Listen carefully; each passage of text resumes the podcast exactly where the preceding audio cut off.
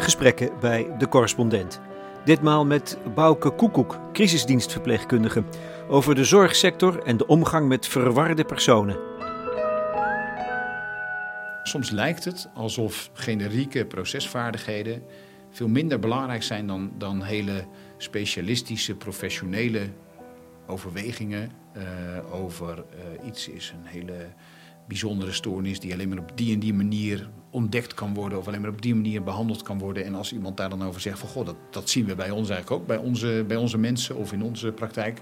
Nee, nee, nee, dat is, dat is absoluut niet heel anders en je ziet het helemaal verkeerd. We hebben veel ingewikkelder patiënten of veel ingewikkelder. En dat discours, dat, dat professionele discours maakt, maakt de afstand tot de mens heel groot. Um, en het wordt een soort eigen, eigen wereld, een eigen professionele wereld, een eigen wereld waarop beleidsmakers proberen te sturen, maar dat ook heel lastig vinden, omdat het zo ingewikkeld gemaakt wordt. En ja, ik denk toch heel vaak van, ja, jongens, het is, misschien, het is wel een moeilijk vak en het, zijn, het is moeilijke problematiek. Maar dat hele mysterieuze gebeuren eromheen, ja, het gaat ook wel om bepaalde basale vaardigheden.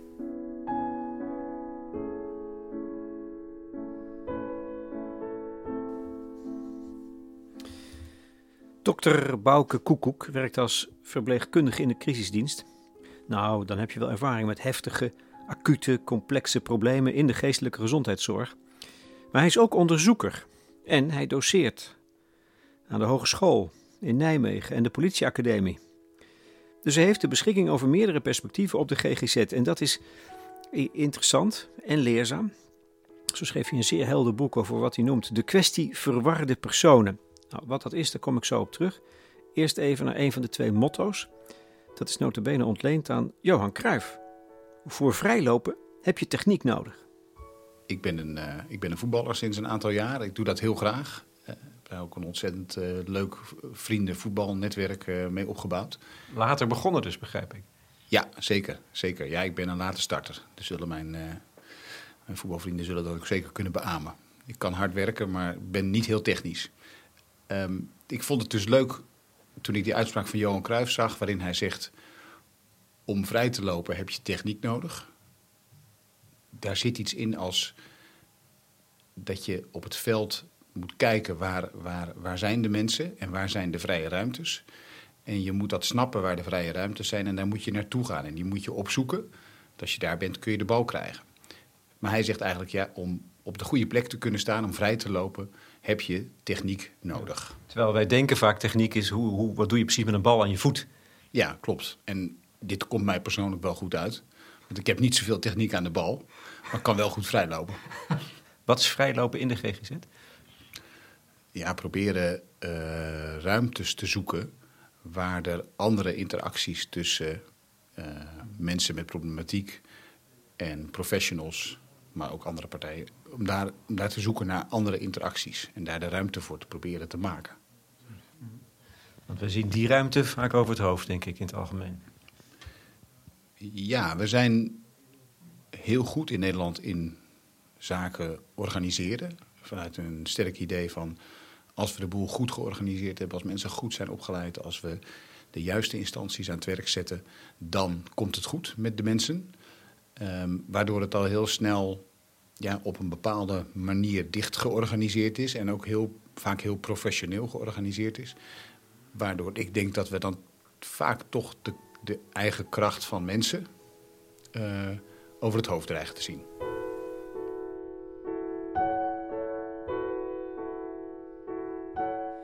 Ja, die Kruif, die had het al door. Maar er is nog iets aan het begin van het boek dat mij treft en intrigeert. De opdracht. Er staat voor Jim en onze verloren mannen, Rob, Evert, Bert en Wessel. Wie zijn dat? Vraag ik, niets vermoedend. Uh, Rob, Evert, Bert en Wessel, dat zijn.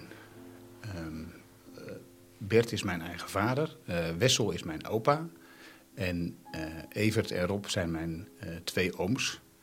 Die ooms zijn allebei vroeg overleden. de een aan TBC, een infectieziekte die, waarvan we dachten dat die niet meer bestond. En mijn oom is aan een hersentumor overleden op, uh, op 39-jarige leeftijd. En die heb ik in de, in, de, in de laatste jaren van zijn leven heel intensief uh, begeleid. Um, laten we zeggen dat er in de, aan die kant van mijn, uh, van mijn familie dat er veel verloren is gegaan aan, aan contacten. En dat eigenlijk mijn oma vele jaren de dragende kracht is geweest in, in die kant van de familie. En zij heeft dus twee van haar drie zoons heeft zij verloren tijdens haar leven. En één zoon uh, wilde op zeker moment geen contact meer met, met haar en met haar man. Oh. Dus dat is best, een, uh, best wel een drama. Voedt dat jou ook als nou ja, crisisdienstverpleegkundige, als lector, dat jij eigenlijk weet hoe kwetsbaar mensen zijn en dat je daar zo dicht mogelijk bij wil staan? Poeh, ja. Ja, ik denk zeker dat dit iets doet. Het, wat, het voor, wat het vooral voor mij professioneel uh, betekent, is dat ik, uh, dat ik weet hoe, hoe krachtig de familiebanden uh, vaak zijn. Ook al zijn de banden verbroken, dan nog zijn de verbindingen die, er, die er onderliggend zijn heel erg krachtig. Die kunnen mensen ook heel erg bepalen, ook heel erg onderuit halen, ook heel erg versterken. en het maakt denk ik in mijn werk dat ik ja, toch wel heel erg vaak bezig ben met van, ja, hoe zit het? Hoe zit het rondom de mens die ik hier voor me zie? Wat speelt daar? Wie, wie is er wel, wie is er niet? Hoe zit het misschien wel één generatie hiervoor? Soms wel twee generaties daarvoor. Daar heb ik overigens in de crisisdienst zelden tijd voor. Maar ik probeer er toch een soort van uh, beeld van te krijgen of voeling mee te hebben. Um, en ik denk dat deze familiegeschiedenis, die is ja, weliswaar Ehm, dramatisch, maar is ook weer niet uniek. Er gebeuren in allerlei gezinnen, in allerlei families gebeuren hele heftige dingen.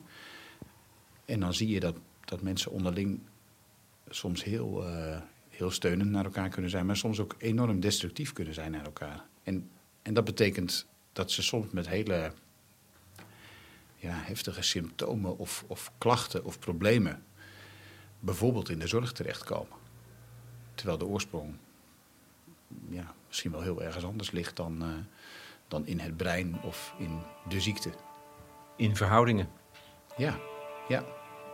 En dat is niet het hele verhaal natuurlijk, hè, maar het is, denk ik, in mijn vak wel eens wat onderbelicht hoe belangrijk dit soort gezins- en familieverhoudingen zijn.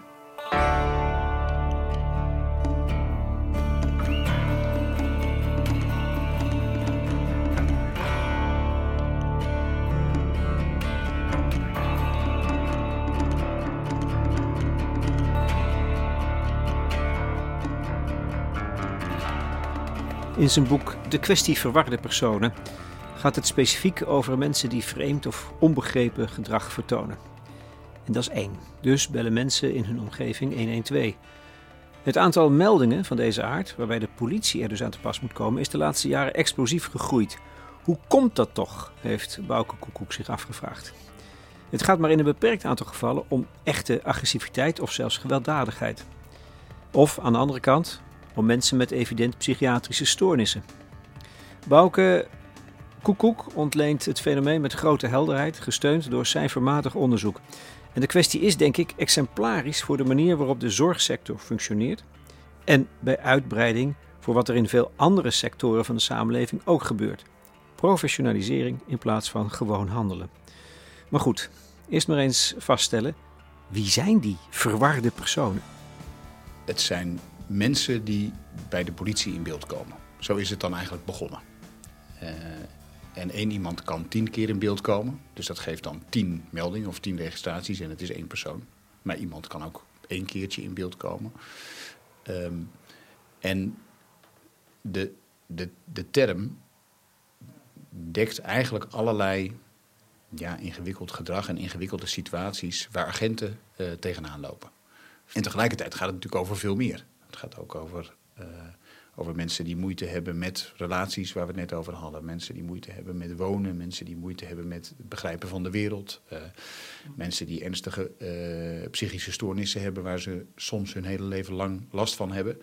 Dus er gaat onder die term gaan heel veel um, mensen schuil. Waar heel veel verschillende dingen in heel verschillende situaties mee aan de hand zijn. En als je het zo opzomt, denk ik, en ze horen allemaal niet thuis bij de politie. Nee, ik denk inderdaad dat heel veel mensen niet thuis horen bij de politie. Dat klopt. Ja. En komt het dan, want je, je verwijst er naar een kwestie die mij ook altijd raakt, omdat ik er gekend heb: ehm, eh, de, de, dood van Els Borst. Hier niet zo ver vandaan, door, door een verwarte persoon. Eh, dat is natuurlijk een incident dat breed wordt uitgemeten. En ik heb het vermoeden dat de kwestie van de verwarde persoon in dat licht komt te staan. Van dat het gevaarlijk is. Mhm. Maar uh, zo, zo groot is dat aandeel agressiviteit en echte gevaarlijkheid niet, toch? Of wel? Nee, het, het echte harde gevaar en de echte agressie is maar een klein onderdeel van alle, van alle registraties die, die bij politie gedaan worden. Daar moet je dan wel weer bewust van zijn dat dat soms hele heftige agressie en hele heftige situaties kunnen zijn. Ik bedoel, de dood van Els Borst een voorbeeld, maar uh, nou ja, gisteren kreeg ik van een politiecollega nog een, een, een verhaal uh, te lezen over, een, uh, over een, een, wijkagent die bij iemand langs was gegaan en daar verwachtte, zoals andere keren, een goed contact te hebben, wat zij altijd al hadden. En hem mee te kunnen nemen naar de instelling waar hij vandaan was gevlucht. Nou, dat pakte volledig anders uit met heel veel agressie. Uh, nou, als je dat dan leest, dan denk je, ja, dit is buitengewoon ingrijpend. Tegelijkertijd weet ik dat dat relatief of absoluut ook heel weinig situaties zijn waarin dat zo uit de hand loopt. Maar als het gebeurt, heeft het natuurlijk een enorme impact op, uh, op de mensen die erbij betrokken zijn. Matthijs van Meerkerk, die mailde mij dat in een recent onderzoek van de Erasmus Universiteit wordt verward gedrag notabene als wicked problem omschreven. Mm -hmm. En dat stoort hem omdat hij zelf zo'n verwarde man is geweest. Mhm. En dan wil je niet een, als een soort duivels probleem worden gezien. Ja. Komt dat veel voor? Ik bedoel... Ja, zeker komt dat veel voor. Er is een enorm groot verschil tussen wat mensen die in dat soort situaties zijn geweest, wat zij daarin zelf ervaren hebben. En ook de, de, de eigen motieven, argumenten die ze hebben of de verklaringen waarom het zo liep aan de ene kant hè, het, het, individuele verhaal van nou, daarom liep dat toen zo. En mensen kunnen dat achteraf, of soms zelfs in de situatie zelf al, kunnen ze het al snappen. En kunnen ze zich soms niet onttrekken aan de, aan de, aan de afloop of aan het verloop van de dingen. En aan de andere kant heb je dan het, het hoogoververhaal, zoals we dat aan universiteiten, academies, uh, hogescholen waar ik zelf werk, of bij, uh, bij grote instellingen. Dat hoogoververhaal wat we dan maken over verward gedrag in zijn algemeenheid. En ik heb ergens in de, in het, in de afgelopen paar jaar is op zeker moment de term wicked problem uh, uit de bus gekomen. Nou, dat betekent dan eigenlijk zoiets als van ja, we begrijpen er echt helemaal niks van en het kan alle kanten op en het is heel erg ingewikkeld. Um, dan gaat het eigenlijk, denk ik, over het totaal van welke mensen zijn het dan en wie moet dan wat en hoe moeten we dit aansturen en hoe moeten we dat betalen. Dat is denk ik wat bedoeld wordt door de, door de mensen van de Erasmus Universiteit. Maar ik kan me goed voorstellen dat een, gewoon een, mens die leest van ja, ik ben blijkbaar een wicked problem, dat die denkt ja, wat is dit voor, voor, voor, voor gelul? Dit gaat niet over mij. Jij stelt voor om een andere term te hanteren. Dat het gaat om mensen met onbegrepen gedrag wat ik mooi vind, want daar zit al het relationele in. Het, het suggereert een verstandhouding. Ik begrijp iets niet. Ja, en ik denk dat dat het belangrijkste, eigenlijk het belangrijkste punt van die, van die andere term is. Dus onbegrepen. Daar zit inderdaad de interactie tussen twee of tussen meer mensen in. Um, waarbij ik er dan vanuit ga dat gedrag altijd een, ja, een betekenis heeft, of een richting heeft, of een, of een verklaring heeft. En dat dat niet zomaar hmm. als een soort van uh, meteoriet op de aarde komt vallen en dan uh, tot, uh, tot uiting komt. Waarbij ik wel moet zeggen dat er situaties zijn waarin mensen zo nou, erg onder invloed zijn van bijvoorbeeld middelen of van hun eigen beleving in hun hoofd, waarin het heel erg moeilijk is om daar nog enigszins um, iets betekenisvols van te kunnen maken van buitenaf. En waardoor het dus ook ontzettend moeilijk is om met mensen te praten of met, met, met hun contact te hebben. Um, maar mijn punt is eigenlijk dat dat in relatief weinig gevallen zo extreem is. Net, net als dat het aantal heftige agressie-incidenten ook vrij klein is. Dus heel vaak kun je proberen om het gedrag op de een of andere manier te begrijpen. En dat kun je doen door in gesprek te gaan. Ja. Eigenlijk moet je het dus omdraaien, begrijp ik nu, opeens. Als je vaststelt, je kunt vaststellen, er zijn meer uh, verwarde mensen. Mhm. Dan moet je eigenlijk zeggen, nee, onze onmacht om met andere mensen om te gaan is groter geworden. In feite zeg je dat. Ja, ik denk, dat zeg ik inderdaad. En tegelijkertijd, zodra jij dat zo uitdrukt, denk ik, oh jee. Want dan, uh, dan is de conclusie die daaruit wordt getrokken heel snel al van. Uh, en dus moeten we meer gaan doen om mensen te begrijpen. Maar dat wordt heel vaak vertaald. En dus moeten we meer zorgprofessionals, veiligheidsprofessionals mm. laten aanrukken om uh, dat toegenomen gedrag weer in goede banen te leiden. Dus dan wordt het, krijg je heel snel een soort van beleidsreactie in aantallen mensen en hogere opleidingen en dergelijke dingen, waarvan ik denk, maar is dat dan wel wat we zoeken?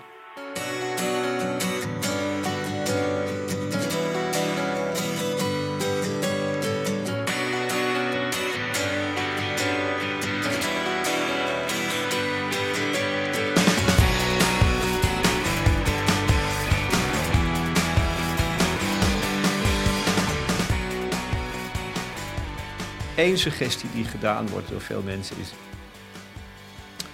Ja, kijk, dit is nou typisch het gevolg van de bezuiniging. Daar, daar, we hebben het over onszelf afgeroepen. Jij bent eens gaan rekenen. Is dat ook zo? Ik ben gaan rekenen inderdaad. En ik kan voor die stelling, het komt door de bezuinigingen, kan ik geen, geen bewijs vinden. Er zitten twee kanten aan. Eén ehm, is dat we in Nederland niet bezuinigen. En... hier, hier. Ja, weet je, dat is natuurlijk een enorm groot uh, frame. Maar de, de kosten van de gezondheidszorg uh, stijgen in Nederland al, al jaren. En ook als we dat terugrekenen naar uh, het aantal mensen dat in Nederland woont... of corrigeren voor inflatie en dergelijke dingen... dan stijgen die kosten vanaf de jaren 70 per hoofd van de bevolking altijd. Um, dan moet je natuurlijk gaan kijken van, zit dat vooral in de, in de ziekenhuizen... of zit dat ook in de, in de geestelijke gezondheidszorg? Nou, als je dat nader bekijkt, zie je dat ook in de geestelijke gezondheidszorg we niet bezuinigen. We gaan wel middelen anders besteden. Dus um, je zult ongetwijfeld iemand kunnen vinden die zegt: ja, bij mij is een afdeling wegbezuinigd. Maar daar staan weer andere mensen tegenover die zeggen: ja, bij ons is er weer een team bijgekomen. Uh, maar heel snel wordt dat geïnterpreteerd als er, er wordt bezuinigd. Er zijn ook bedden verdwenen. Hè, dus bedden zijn eigenlijk uh, plekken waar mensen kunnen ja, verblijven, kortdurend of soms tot, tot jarenlang als zij ernstige psychische problematiek hebben waarmee ze niet in de samenleving kunnen functioneren.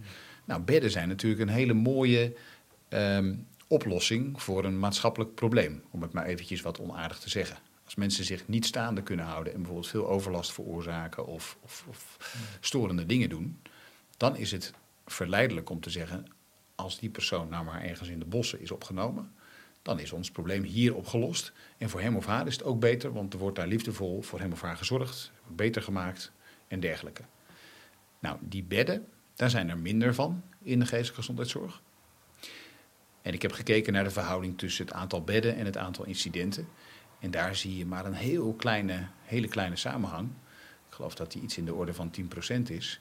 Uh, waarmee je dus 90% van die toename van verwarde personenmeldingen niet kunt verklaren. Dus dan moet je op zoek naar andere oorzaken.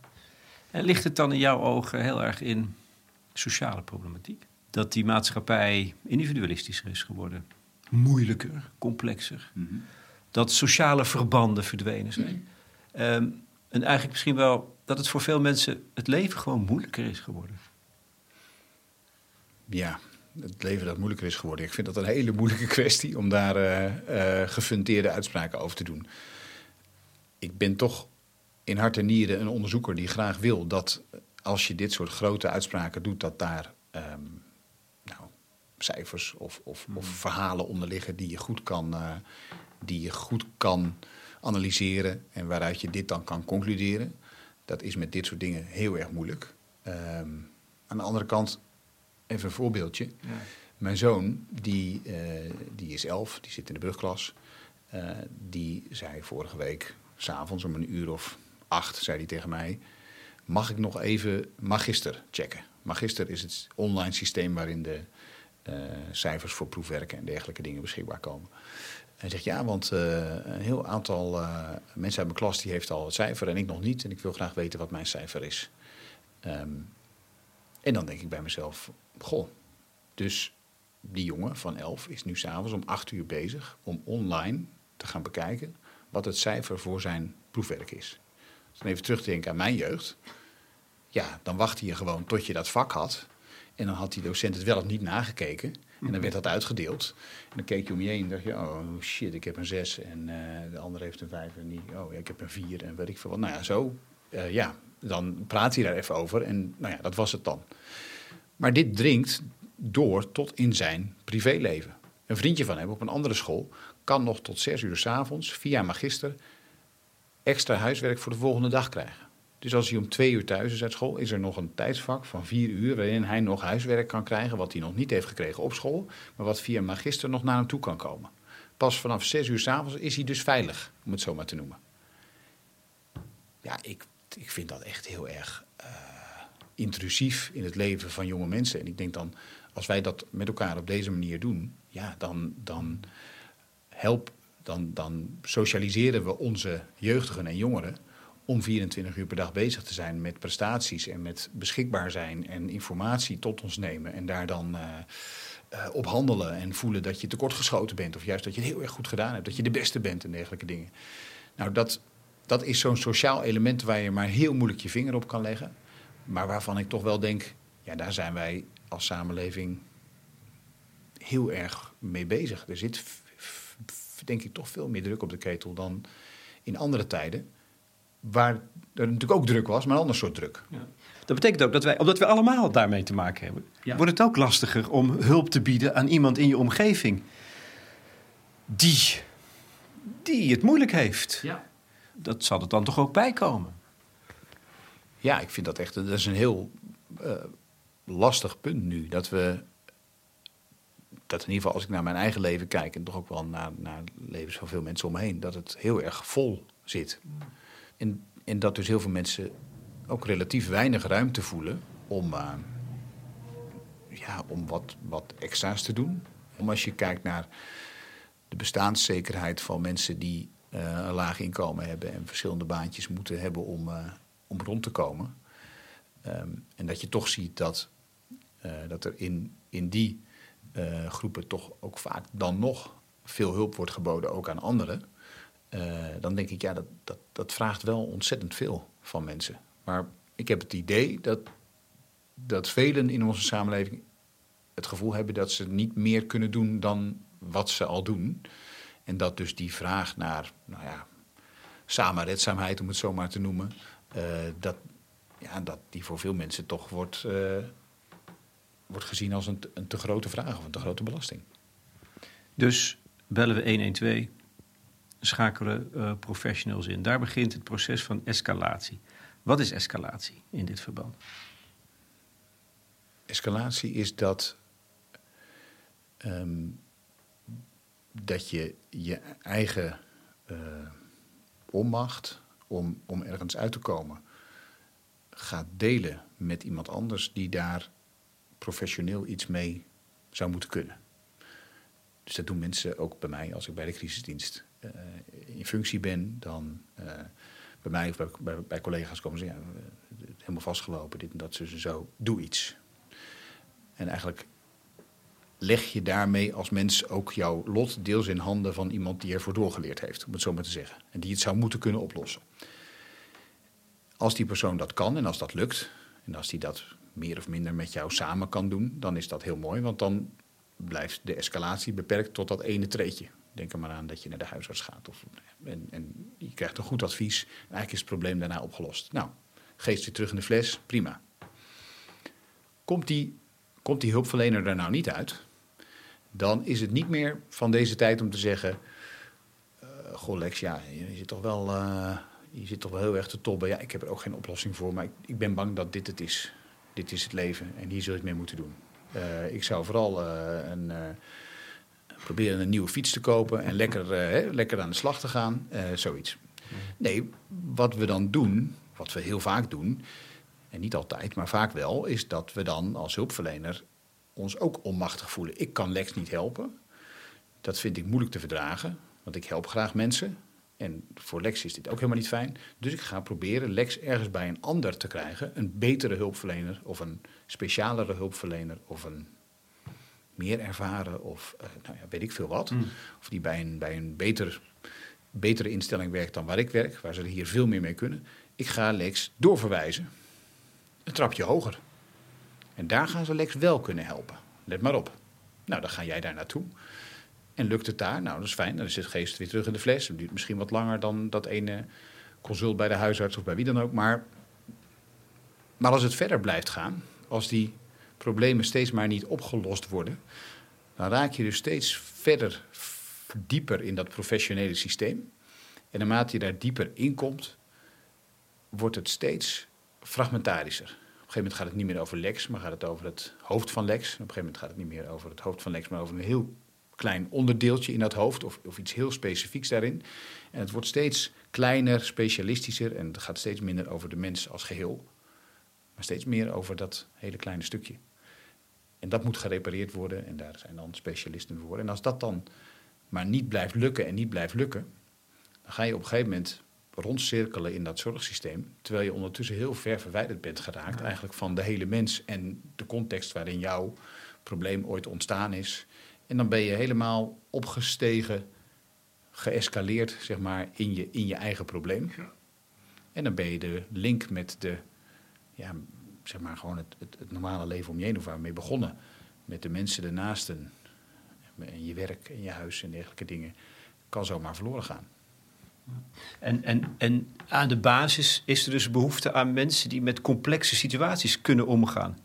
Of durven omgaan. Is dat, want ik denk dat jij dat meemaakt als uh, crisisdienstverpleegkundige. Dat is niet zo eenvoudig, hè? Maar dat is wat we nodig hebben. ja, zeker. Het is, het is helemaal niet eenvoudig. Dus je vraagt verschrikkelijk veel van, uh, van mensen. Want uh, iemand komt met, nou ja, ik noem maar wat, ik ben ik heb totaal geen zin meer in het leven, ik ben heel erg suicidaal, ik wil er een eind aan maken. En er komt een, een partner of een vriend of een vader komt mee, noem maar iets. En um, dan komt er een verhaal van wat er de laatste tijd allemaal speelt. En wat er misschien nog meer in het, in het gezin al speelt of in de omgeving. En um, degene die erbij zit zegt, ja, maar dit gaat helemaal verkeerd. Er moet nu echt iets gebeuren. En misschien zegt die persoon zelf van, nou ja, loop wel los en uh, moi en dit en dat. Dus je hebt allemaal tegengestelde perspectieven en belangen. Um, en dan is het dus ook heel moeilijk om rustig te blijven. Dat ken jij? Ja, ja, absoluut. En het is dan ook niet fair om professionals kwalijk te nemen dat het niet altijd lukt om rustig te blijven. En tegelijkertijd is de oplossing die dan op het gebied van psychische problematiek toch wel makkelijk wordt gekozen, namelijk uh, behandeling, intensieve contacten of misschien een opname, een eh, tijdelijke opname om te zorgen dat iemand niet een eind aan, aan, aan zijn of haar leven maakt. Dat is, dat is de oplossing die, ja, die is veilig en bekend. Dat is die dat autonome proces wat dan gaat lopen. Um, ja, maar je schuift ook iets van je af. Hè? Ja, en misschien ga je het zelf doen, of misschien gaat een collega doen, of verwijs je het door. Of, nou ja, dat, dat kan allemaal.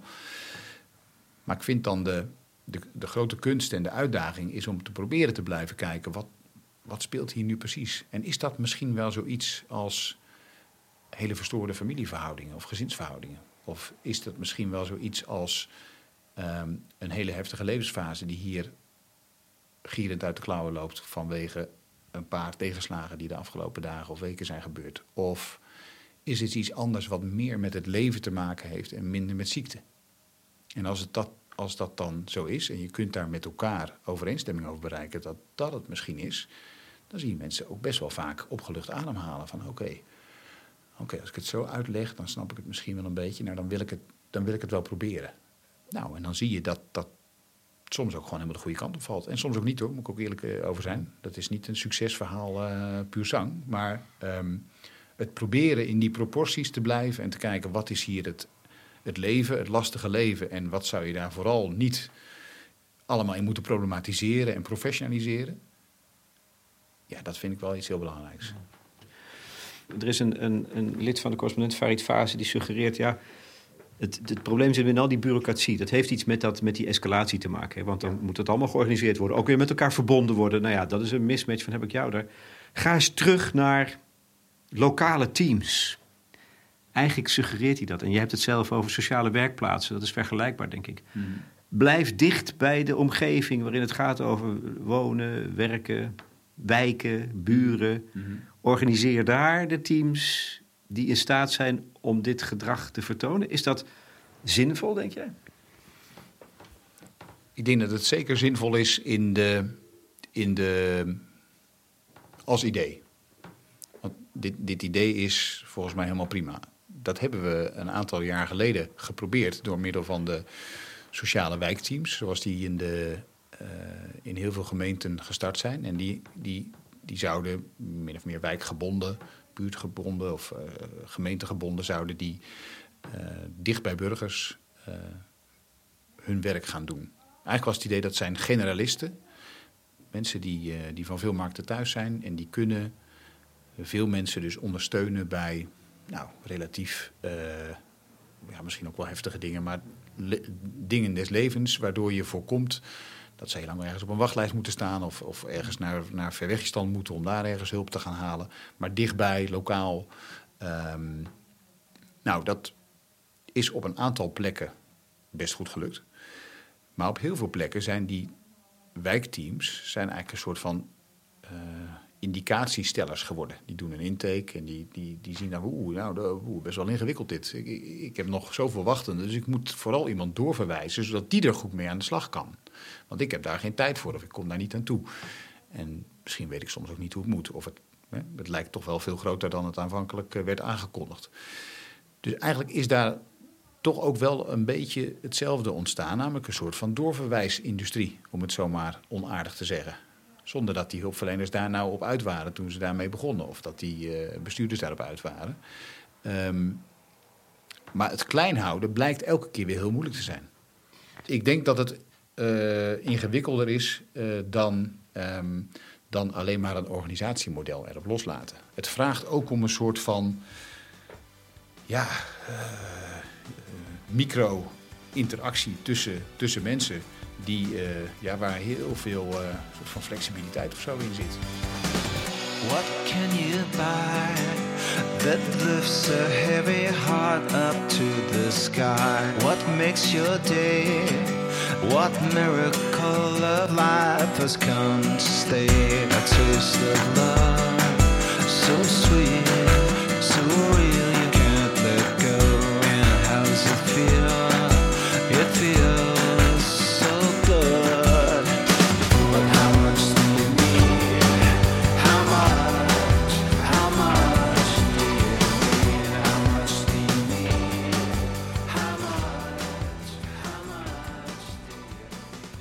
Hoe moet je dat nou doen? Hè? Dat bijkans autonome proces van escalatie tegengegaan, waarbij steeds meer professionals ingeschakeld worden die steeds meer gespecialiseerd zijn.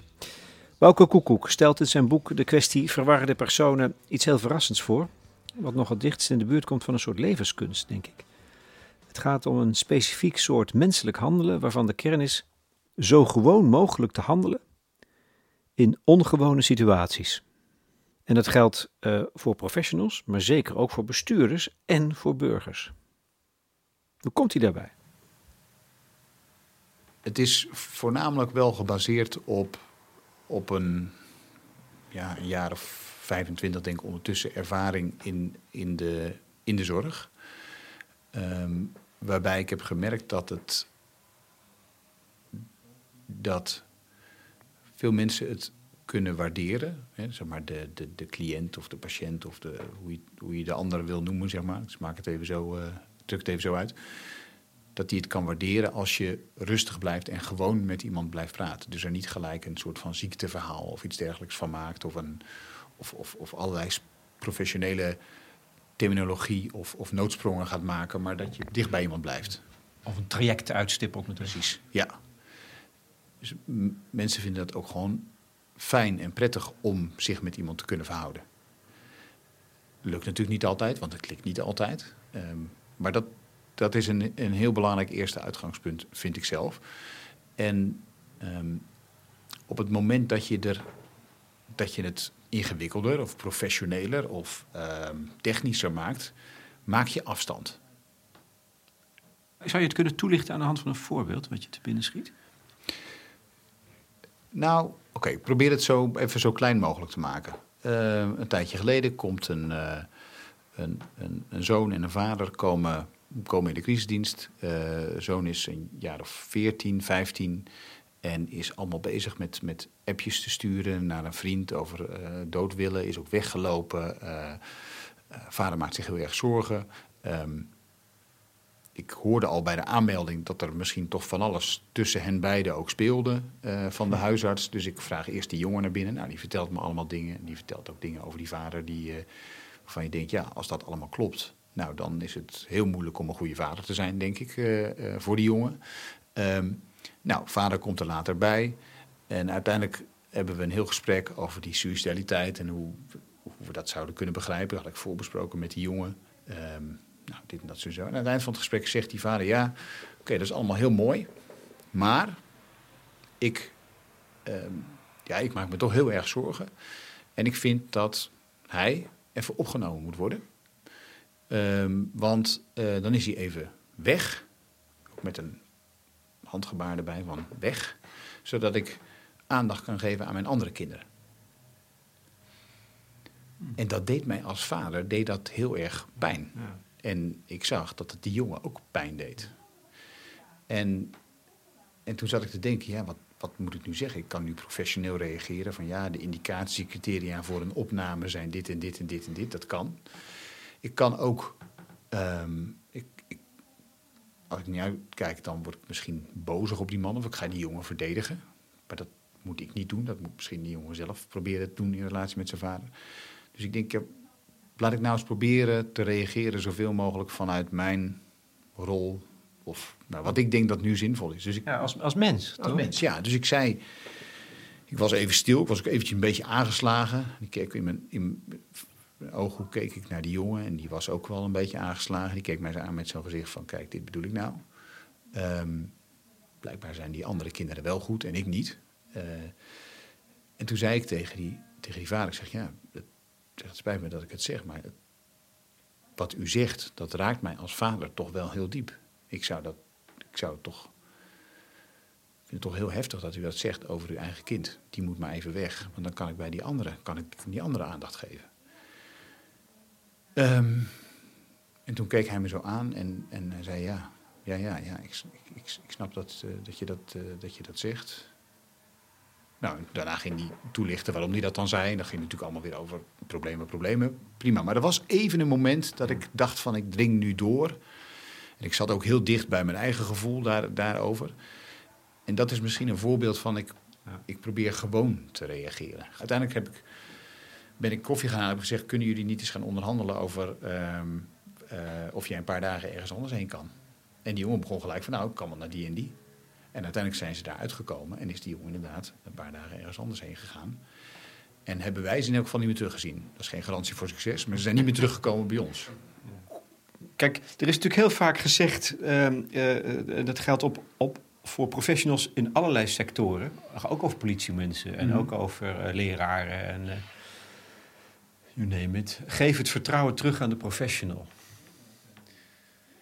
Uh, die, die, die reageert vanuit zijn ervaring, mm. of haar ervaring, en mm. intuïtie mm. en gevoeligheid. En ergens las ik volgens mij in jouw boek, De kwestie verwarde personen, dat, dat, dat het ook te gemakkelijk is. Geef mij maar weer het vertrouwen terug. Ja, dit is natuurlijk een hele, dit is echt een heel ingewikkeld ding. Um, ik had vanochtend een gesprek met een, met een collega die zei: als je, als je raakt aan de dus onderzoeker, als je raakt aan de autonomie van hulpverleners, wat zij wel zelf niet of wel mogen beslissen in contact met een uh, cliënt of patiënt, dan, dan kom je aan iets heel fundamenteels. Um, omdat, denk ik, eigenlijk iedere dokter, verpleegkundige, sociaal werker of andere hulpverlener een idee heeft over dit zou, dit zou goed zijn. En dit zou. Eerlijk gezegd, ik denk het ook vaak. Ja. Het is de, het, doe het alsjeblieft. Ja. Vertrouw die mensen. Ja, ja klopt. En en dan moet ik ook zeggen dat ik helaas, dat ik dus ook ontzettend veel dingen heb zien misgaan. Vanuit datzelfde vertrouwen. Ehm, omdat er door hulpverleners een bepaalde kant op wordt gedacht. Omdat dat soms beter uitkomt, of omdat dat nou eenmaal de makkelijk voorhanden verklaring is, of omdat, het, ehm, of omdat je daardoor bepaalde organisatorische dingen door toegestuurd wordt, of omdat er misschien meer geld te verdienen valt. Of, allemaal, het kunnen allemaal redenen zijn waarom je toch bepaalde beslissingen neemt of bepaalde keuzes maakt. En als je die niet met elkaar en met collega's, maar ook liefst met mensen van buitenaf uh, toetst, dan worden er ook vanuit dat vertrouwen en vanuit die ruimte worden ook keuzes gemaakt die heel desastreus uitpakken. En ik zal zeker in mijn hulpverleningscarrière ook verkeerde keuzes hebben gemaakt vanuit op dat moment de overtuiging van dit is het juiste. Dus er zit enorm veel onzekerheid in. En om te zeggen, door te zeggen van nou, iedere hulpverlener doet als vanzelf het goede. Ja. ja, maak je het veel te, veel te kwetsbaar. En doe je denk ik ook geen recht aan het feit dat, het, dat dit ook gewoon een heel lastig vak is. Waar je vreselijk veel, denk ik, ehm, eh, checks en balances moet inbouwen om ervoor te zorgen dat, je, dat er niet allerlei dingen mislopen. Want dat gaat makkelijk. Lately, I've been, I've been thinking, I want you to be happier. I want you to be happier. When the morning comes and we see what we've become. In the cold light of day, we're a flame in the wind, not the fire that we begun. Every argument, every word we can't take back. Cause with all that has happened, I think that we both know the way that the story ends. then only for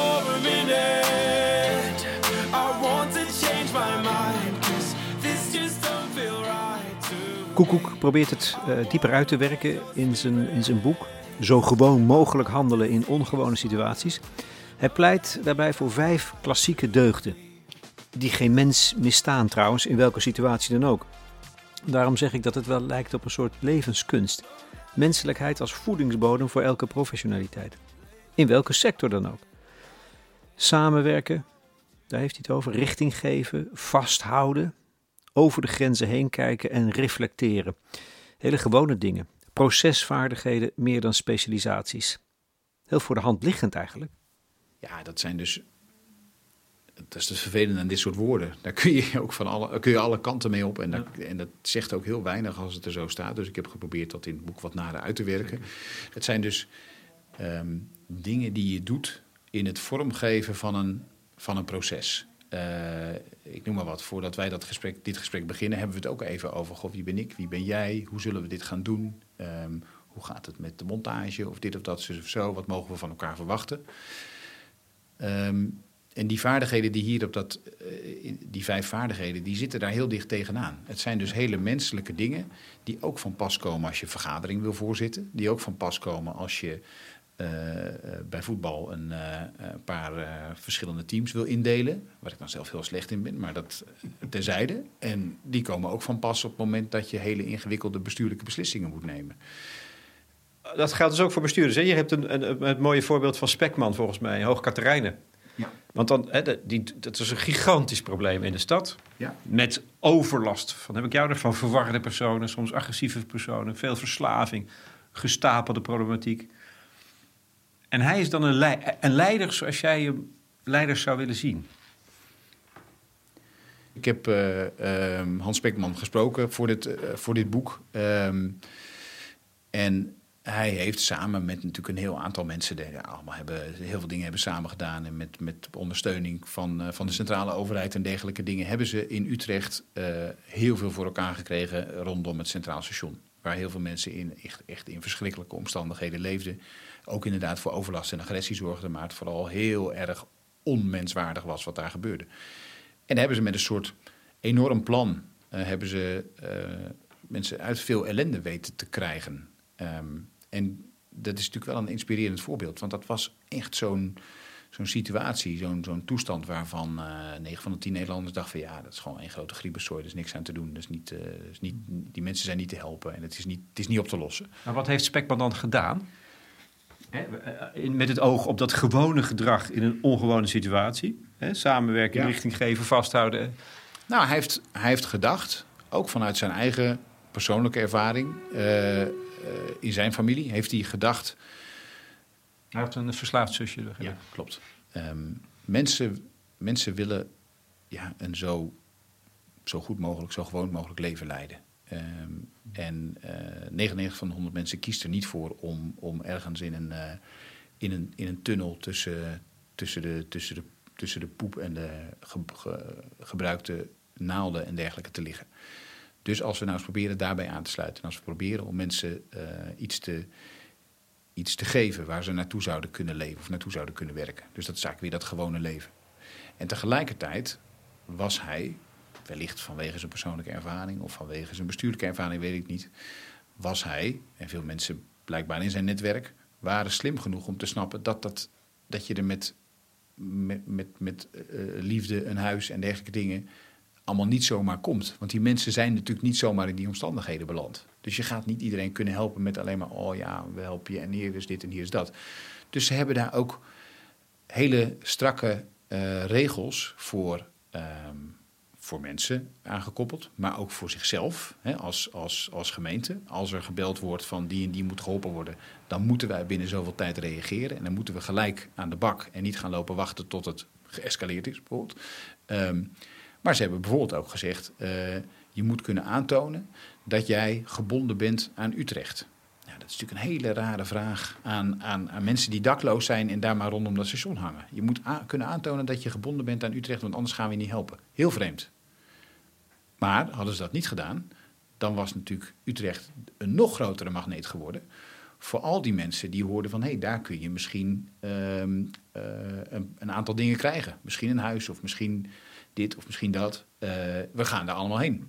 En al die, al die burgemeesters of al die wethouders zeiden, nou ja goed, als Utrecht het zo lekker aanpakt, nou dat is misschien hier maar 15 minuutjes met de trein vandaan. Nou dat probleem lost zich hier vanzelf wel op als Utrecht zo doorgaat. Nou daar hebben ze dus een, ook een aantal harde voorwaarden aangesteld. Heel slim, goed over nagedacht. Maar die eigenlijk ook heel gewoon zijn, denk ik, in jouw optiek, of niet? Ja, ik, uh, nou, daarom zei ik al van, ja, het is natuurlijk best heel maf om tegen iemand te zeggen die, die dakloos is, van jij moet kunnen aantonen dat jij hier uh, dat jij gebonden bent. Dus dat is een soort van, van paradox. Um, maar ik denk wel dat het, dat het van een soort van, van gewone wijsheid of een, of een bepaalde straatwijsheid getuigt om, om, na, om te bedenken van, oh ja, dus als wij hier ontzettend goede dingen gaan doen, dan betekent dat dat er hier ook ontzettend veel mensen naartoe gaan komen.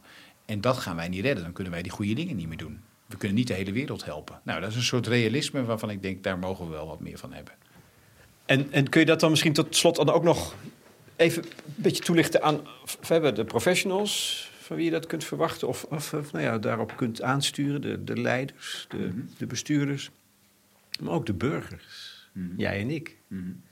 Niet alleen als mensen die het soms knap lastig hebben met het leven, maar ook als mensen die eromheen staan. Daar geldt het ook voor voor, eigenlijk voordat we 112 bellen, kunnen we zelf nog een hoop doen. Klopt.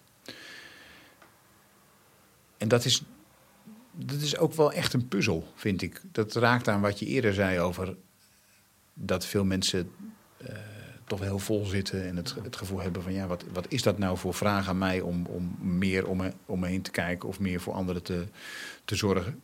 Ja, ja wat mij wel bezighoudt, um, is dat dat we uh, dat, dat heel veel dat veel mensen niet meer zo echt bij een bepaalde groep of een gemeenschap horen. Mm. Hè? Uh, en dan is natuurlijk het, het, voorbeeld is van ja, we hebben geen kerken meer, dus mensen voelen zich ontheemd of er zijn geen andere instituties meer die, die richting geven.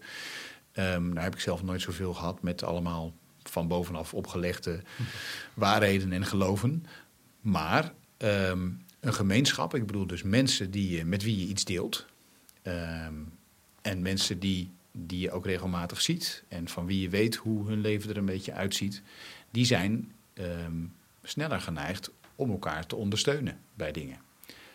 Je, je kent dan meer mensen die ook mogelijk bij jou in de buurt zijn en die jou ook kunnen, uh, kunnen helpen. En misschien hoef je ook niet altijd evenveel te doen.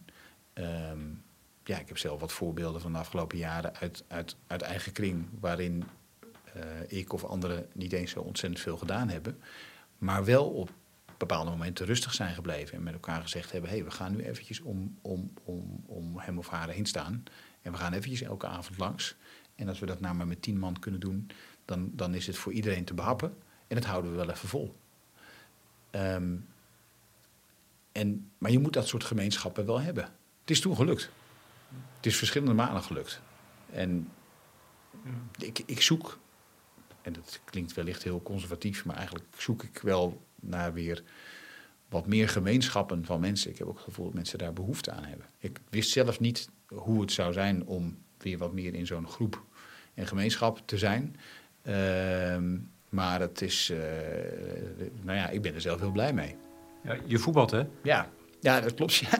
Je hebt een clubpie. Ja, ja zeker. Ja, dat, zijn, is het toch ook? Ja, zeker. Ja, dat zijn 70 of 80 mannen van, van min, of meer, min of meer dezelfde leeftijd als ik. Ehm, met wie je dingen deelt, maar soms ook heel praktisch dingen regelt. Uh, maar die er ook vanwege de diversiteit uh, ja, op bepaalde momenten echt, echt voor elkaar kunnen zijn. En omdat je met veel bent, kun je dat ook dragen.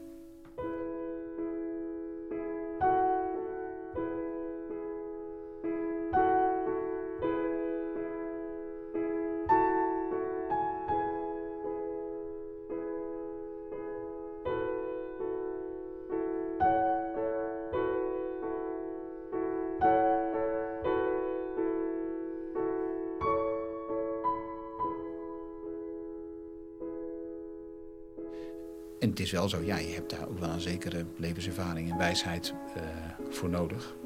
Dus het is, het is zeker niet makkelijk. Maar ik hoop dat er, nou, dat er meer ruimte komt. Ja. Je hebt ook moed nodig om te zeggen, ik kan iets niet, hè? Absoluut. Wij met z'n allen. Ja, ja, ja. Waar sta je nou met dit pleidooi in de sector? Uh, is, dit, is dit politiek te vertalen? Maar laat ik het zo vragen. Als jij, dit vraagt eigenlijk om een verandering die, die, die nou ja, interessant is. En, en voor politici best moeilijk om, om meteen voor zich te zien. Hmm. Waar zou jij beginnen? Waar zou jij mee beginnen? Ik zou klein beginnen. Ik zou, ik zou een, uh,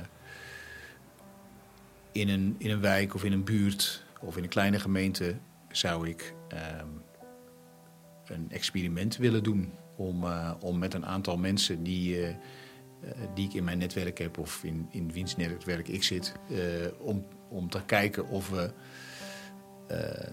daar voorwaarden voor kunnen creëren. En dat is uitproberen en kijken wat er dan gebeurt.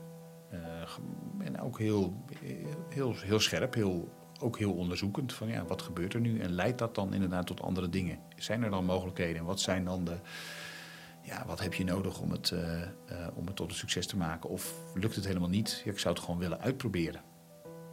Ik gun het je. Dank je. Dank je.